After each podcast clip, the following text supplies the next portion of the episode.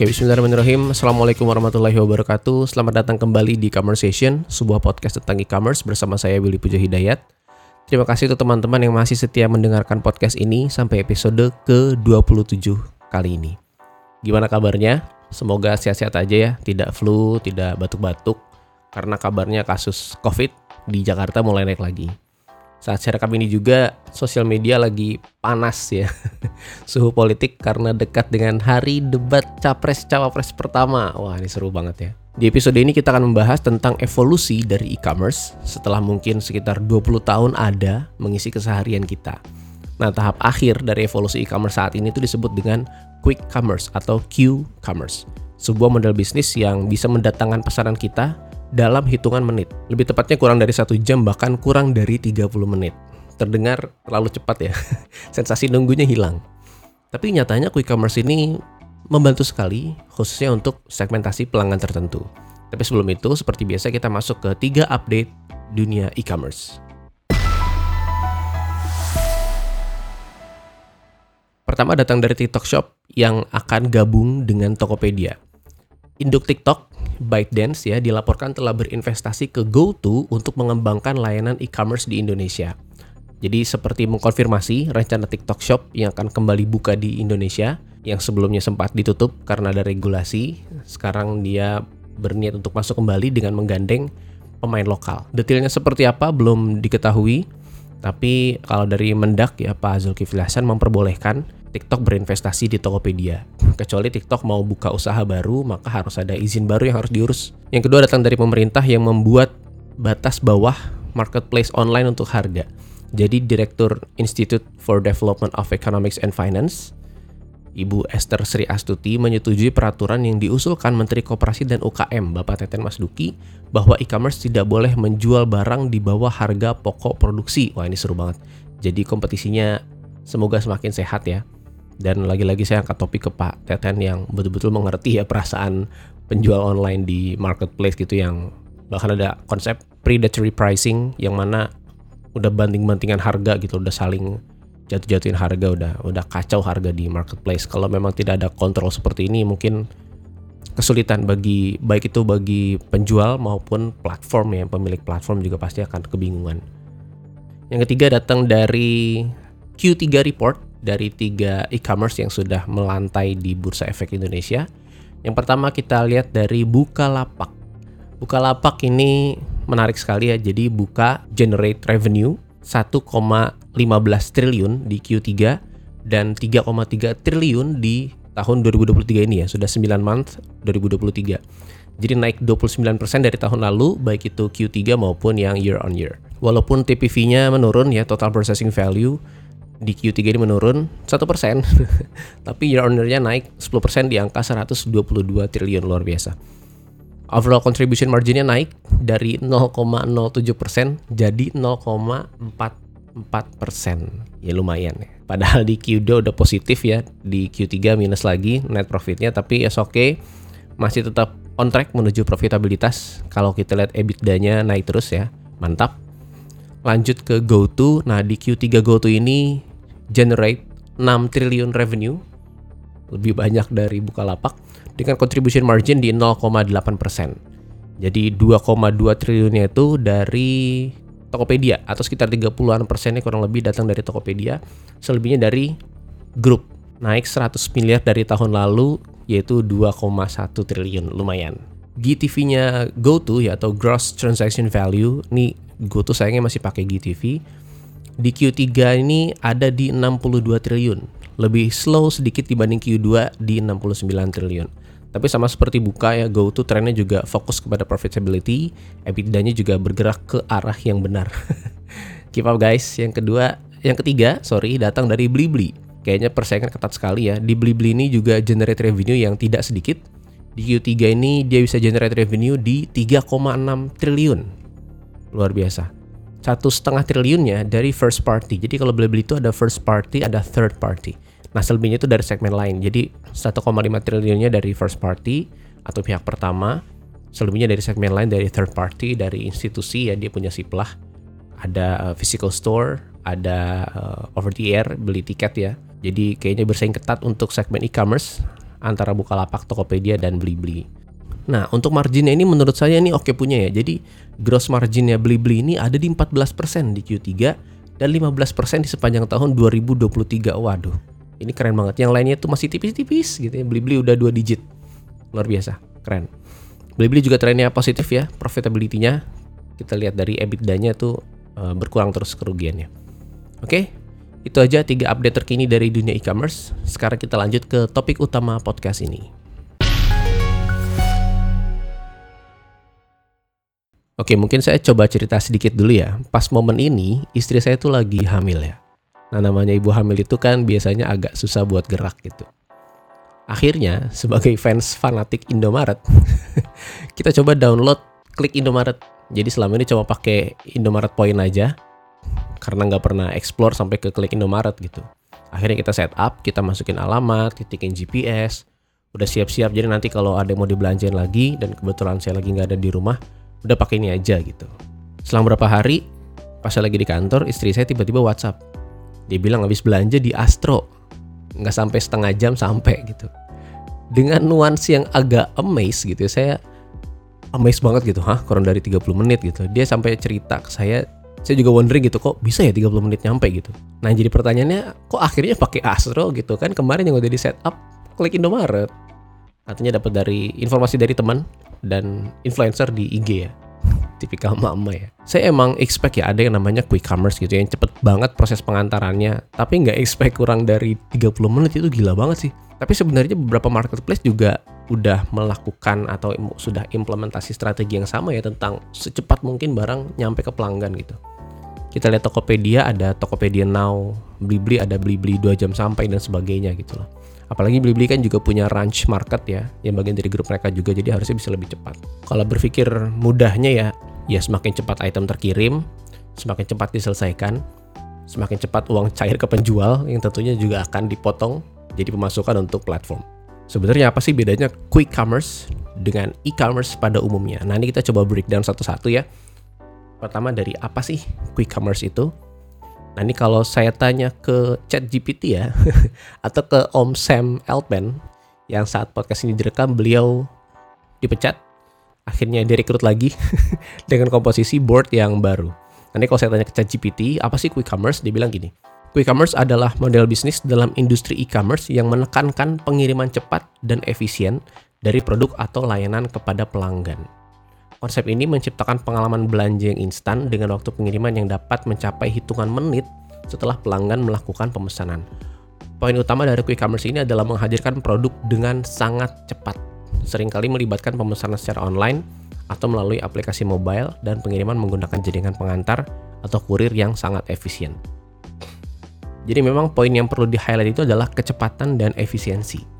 Jadi ada tiga poin yang perlu diperhatikan di quick commerce ini. Ini kalau menurut saya ada tiga poin.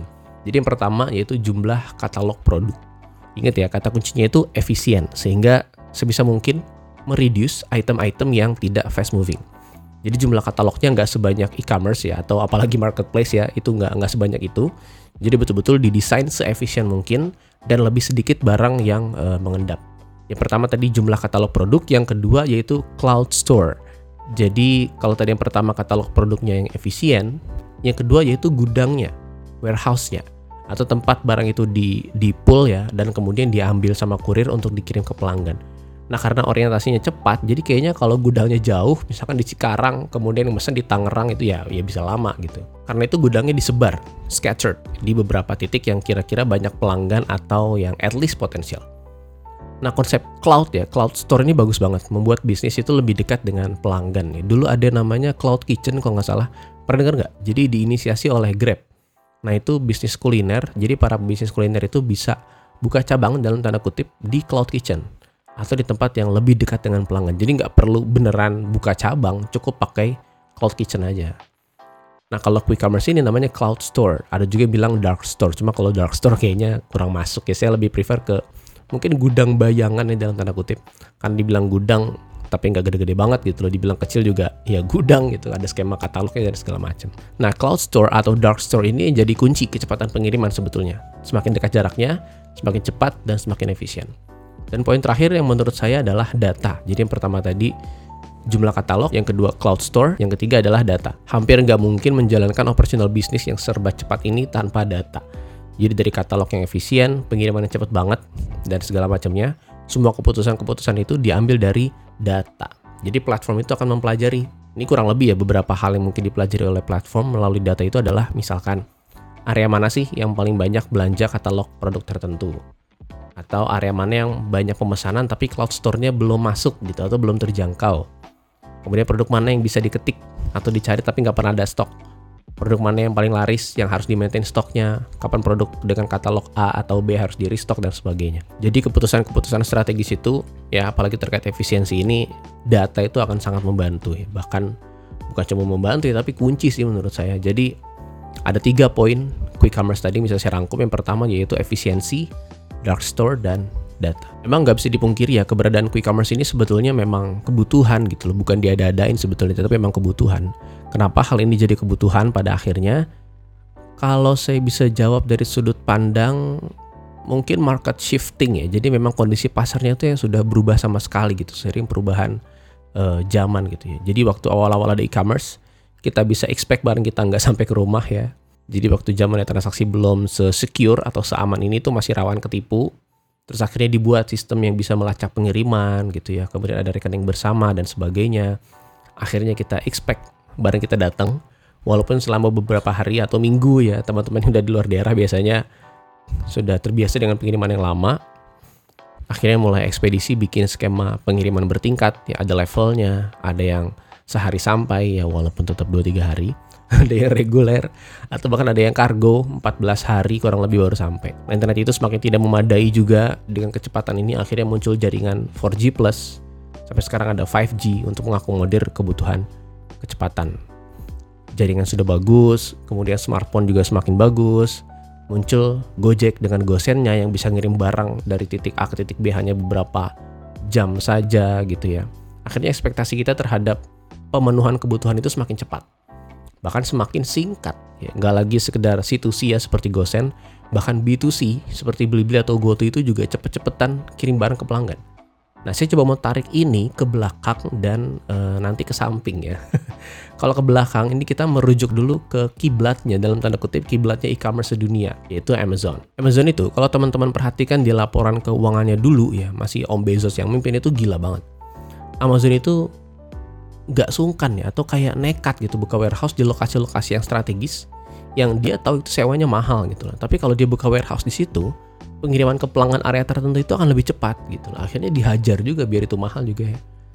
Jadi ini saya dapat beberapa data ya di mana Amazon itu buka warehouse atau gudang di tempat yang lumayan mahal supaya lebih dekat dengan pelanggan. Bahkan di komplek perumahan elit ya. Jadi tahun 2019 Amazon beli tanah di Herndon, gimana bacanya tuh? Herndon, Virginia senilai 1,1 billion dollars atau 17 triliun untuk 22 hektar tanah. Kalau saya cek di internet, 22 hektar itu seluas ICE BSD. Itu 17 triliun dibeli sama Amazon tahun 2019.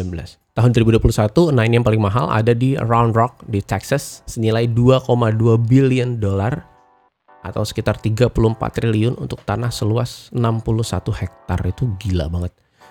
Jadi dalam rangka menjangkau pelanggan, Amazon itu bukan lagi pakai gudang bayangan atau dark store gitu, tapi langsung bright store, terang-terangan bikin warehouse. Nah kalau kita tarik ke belakang, orientasi Amazon ini udah sama sebetulnya, secepat mungkin sampai ke pelanggan. Kalau dari samping kita coba lihat siapa sih yang mulai quick commerce ini ya. Kalau tadi Amazon sudah berorientasi pada kecepatan pelanggan, kecepatan pengiriman produk ke pelanggan, sekarang kita masuk ke quick commerce. Siapa sih yang mulai quick commerce ini gitu? Kalau Amazon ini setahu saya sih belum menyebut konsep ini sebagai konsep quick ya. Jadi untuk penjualan grocery itu belum quick. Nah, saya coba cek di internet ternyata pionir quick commerce itu adalah perusahaan Jerman namanya Gorillas.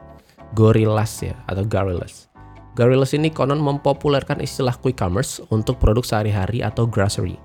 Jadi Gorillas ini bisa mengirimkan pesanan dalam 10 menit. Gorillas bisa mengirimkan pesanan dalam 10 menit. 10 menit, Bos. Setara dengan uh, nonton One Piece sepertiga episode karena setiap episode kan biasanya kurang lebih 30 menit ini baru sepertiganya barang itu datang gitu jadi kalau saya lihat di websitenya drivernya itu pakai sepeda listrik ya dia punya dark store juga tapi namanya bukan dark store namanya itu mini fulfillment center Jadi sama aja, cuma beda istilah aja gitu ya. Tersebar di beberapa titik dan hasilnya pengiriman dalam hitungan menit dengan rata-rata 10 menit. Gila. Dari sini akhirnya muncul beberapa perusahaan lain yang akhirnya mengadaptasi konsep yang sama di seluruh dunia dan termasuk di Indonesia. Nah, istilah quick commerce di Indonesia ini belum terlalu booming sebetulnya sebelum adanya Astro ya yang viral banget di kalangan emak-emak gitu. Sebelum itu kita kenal e-grocery. Jadi istilah khusus untuk menyebutkan toko online yang mensuplai kebutuhan uh, sehari-hari atau fresh market. Jadi bahkan beberapa menurut saya terlalu niche ya, terlalu spesifik pada sayur dan buah. Jadi kalau kita pertama kali tahu e-grocery itu, itu namanya Happy Fresh di Indonesia. Ya lagi ya, niche banget. Ceruk pasarnya itu sayur dan buah ada daging juga kayaknya ya. Nah, sudut pandangnya itu bisa mendapatkan buah dan sayur atau bahan masakan yang segar dan langsung diantar ke rumah. Yang ditawarkan Happy Fresh itu sebetulnya masih diadaptasi sampai hari ini oleh beberapa quick commerce. Bedanya dia ngirimnya masih dalam rentang 1 sampai kurang lebih 1 sampai 3 jam. Jadi kemiripan seperti lokasi gudang gitu ya. Nah, kalau Happy Fresh ini dia konsepnya bukan gudang tapi toko mitra. Bagus juga ya. Jadi alih-alih invest ke gudang, mending di outsource saja dari beberapa toko yang jual produk yang serupa gitu. Baru kemudian muncul ya ada Tiny Hub, ada Sayur Box dan segala macam. Fokusnya masih ke e-grocery, belum quick gitu. Nah, yang mempopulerkan quick atau quick commerce itu adalah Astro tahun 2021, astronaut.id. Astro itu muncul dengan menawarkan pengiriman bukan dalam hitungan jam lagi tapi dalam hitungan menit ya memang sih udah ada GoMart ya udah ada GrabMart yang juga bisa kirim hitungan menit juga. Tapi kalau menurut saya itu bukan core bisnis mereka itu cuma layanan aja. Ya tapi ngomong-ngomong ya konsep marketing GoMart itu yang dibelanjain mama itu gila banget sih. Jadi teman-teman bisa baca tulisan di blog saya di blog ini willymai.name tentang model bisnis e-grocery yang ngebahas tentang campaign GoMart yang dibelanjain mama. Itu itu keren banget itu kreatif banget menurut saya. Oke lanjut. Jadi Astro ini bisa dibilang pionir dari tren quick commerce ini kalau teman-teman sendiri sudah pernah atau sudah ada Astro di smartphone-nya, coba komen di podcast ini, di episode ini. Kalau menurut saya coba deh rasain ya download, nanti terasa banget bedanya dengan e-commerce marketplace seperti Shopee atau Tokopedia atau Blibli dan segala macam. Dari tampilannya aja udah beda banget. Jumlah katalog produknya ya dibilang sedikit enggak, dibilang banyak banget juga enggak gitu. Tampilannya simple dan nggak kayak marketplace. Produk katalognya nggak banyak karena memang concernnya bukan di sebanyak mungkin item, tapi lebih ke deliverynya. Secepat mungkin di deliver. Ingat ya tiga prinsip quick commerce tadi di awal yaitu efisiensi, lokasi, dan data. Waktu istri saya coba pesan itu, dari pesanan diterima sekitar 24 menit. Jadi ada tulisannya. Selesai dalam 24 menit. Wah keren banget ya. Dan ya kita nggak tahu ini dikirim dari mana ya. Tiba-tiba abang drivernya nganter paket aja gitu ya. Namanya juga dark store ya, gelap ya.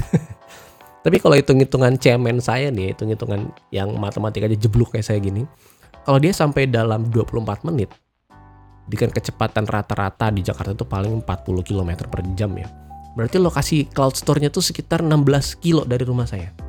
Ini hitung-hitungan cemennya ya, mungkin bisa dikoreksi ya. Cukup terjangkau dan efisien banget. Nah pertanyaan yang muncul dari sudut pandang pebisnis adalah, seberapa efektif sih gitu loh buka gudang di lokasi tersebut?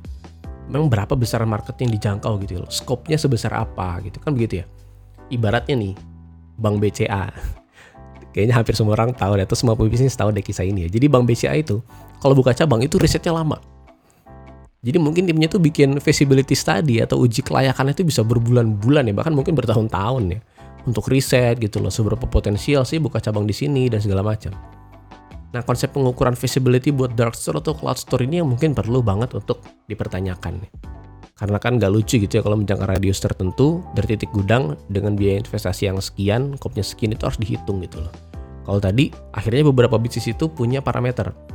Pokoknya kalau ada bank BCA di situ, kita buka bisnis di situ. Karena kalau Bank BCA bikin feasibility study atau buka cabang itu pasti dihitungnya sudah sangat detail. Ada market yang potensial di sana. Sama kayak buka dark store tadi gitu loh. Kalau nggak ada returnnya gimana?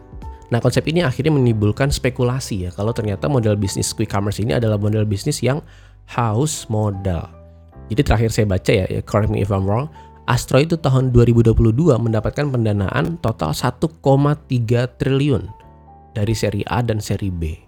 Gila, 1,3 triliun. Sebagai pebisnis kita nanya, ini ini break even pointnya gimana? BEP-nya gimana ini? Jadi ya, ya terlepas ya dari dampaknya yang luar biasa banget mendobrak tren e-commerce, celah ya, celah ini mungkin yang memunculkan skepticism dalam diri saya tuh keraguan terhadap model bisnis ini gitu loh. Ini beneran bisa profit atau enggak gitu loh. Terus ke depannya gimana? Apakah bisnis ini bisa sustain dan segala macam ya. Kalau menurut saya ada satu bisnis entity yang sangat bisa bersaing dengan model bisnis yang lebih sehat dan kalau mereka serius ya, kalau bisnis ini serius, maka bisa banget menduplikasi atau bahkan menghantam Astro dengan mudahnya. Siapa dia? Klik Indomaret. saya gak di endorse oleh Astro, saya gak di endorse oleh Klik Indomaret. Ini cuma pure analisis saya aja. Jadi kalau teman-teman perhatikan, di awal cerita kan saya set up aplikasi itu Klik Indomaret. Ya kan? Yang pada akhirnya justru istri saya malah belanja di Astro gitu. Gimana sih? Akhirnya saya atau kami ya saya sama istri saya itu juga coba Klik Indomaret. Karena baseline-nya atau benchmark kita udah Astro ya yang sampainya hitungan menit, pas ada tulisan nih kalau nggak salah di klik Indomaret itu sampai pada waktu sekian-sekian gitu. Itu kurang lebih 1 sampai 2 jam. Kita udah udah underestimate gitu wah ini gimana sih? Pasti kalah sama Astro gitu. Eh nggak lama setelah itu dalam waktu kurang lebih ya kurang dari 30 menit paket kita datang juga gitu gila. Pas ditanya ke abangnya gitu bang dari Indomaret mana bang? gitu kan. Dan jawabannya itu ada di satu lokasi yang emang deket dari rumah gitu terus abangnya bilang gini kalau nggak rame dan ada yang nganter bisa cepet bu gitu kan. Kalau rame ya nunggu ada yang kosong dulu gitu. Ini kelemahannya. Sebetulnya apa sih yang small retail ya atau minimarket ini nggak punya gitu loh. Cabang juga setiap gang juga ada ya kan. Tinggal distribusinya aja. Nah per April 2023 ini sebagai gambaran aja ya Indomaret itu punya 21 ribu gerai. 21 ribu gerai bos. Indonesia itu punya 8.500 kelurahan ini berarti satu kelurahan bisa ada 2 sampai 3 gerai. Astro itu ini terakhir yang saya dapat ya, terakhir saya dapat ya, sorry mungkin ada update. Yang saya dapat di internet, Astro itu punya 50 gudang tersebar di Jabodetabek. Bedain sama Indomaret yang punya 21 ribu gerai. Gila banget. Menurut saya yang justru bisa banget melakukan quick commerce ini adalah di minimarket minimarket ini gitu loh, Indomaret atau Alfamart. Lokasi lebih terjangkau, produk lebih banyak, ada sekitar 5 ribuan produk kalau nggak salah ingat tinggal keseriusan pengiriman dan pengembangan aplikasinya aja gitu loh. Karena minimarket ini ya omni channel gitu, offline bisa, online bisa. Distribusinya rata gitu ke semua daerah. Bahkan mungkin kalau ditarik ya radius sekian kilometer itu mungkin ada yang beririsan atau intersection gitu loh, saking rapetnya gitu. Nah kalau Astro bermitra dengan minimarket ini bisa lebih gila lagi. Bener-bener bisa bubar nih warungnya. Oke, kita masuk ke kesimpulan ya. Jadi terlepas dari pembahasan terakhir tadi ya tentang model bisnis yang agak skepticism ini, yang penuh dengan skepticism ini, emang Astro ini dengan quick commerce-nya cukup disruptif. Disruptif banget, keren banget. USP-nya atau unique selling point-nya itu bukan adu segar ya, tapi kecepatan atau quick. Jadi nggak takut ngelawan GoMart, nggak takut ngelawan GrabMart, Tokopedia Now, Blibli dan segala macam. Tapi ya, ya keraguan itu tetap ada ya di saya. Secara pribadi saya khawatir sustainability dari model bisnis ini itu gimana ke depannya gitu loh Alternatifnya ya bisa dengan memaksimalkan minimarket ya yang dasarnya location based dan well scattered, bisa diakuisisi atau bisa merger ya atau bisa partnership. Supaya quick commerce ini bisa tetap mempertahankan dampak positifnya namun juga tetap bisa profitable gitu. Jangan sampai ada gelombang-gelombang PHK segala macam ya ini tidak baik.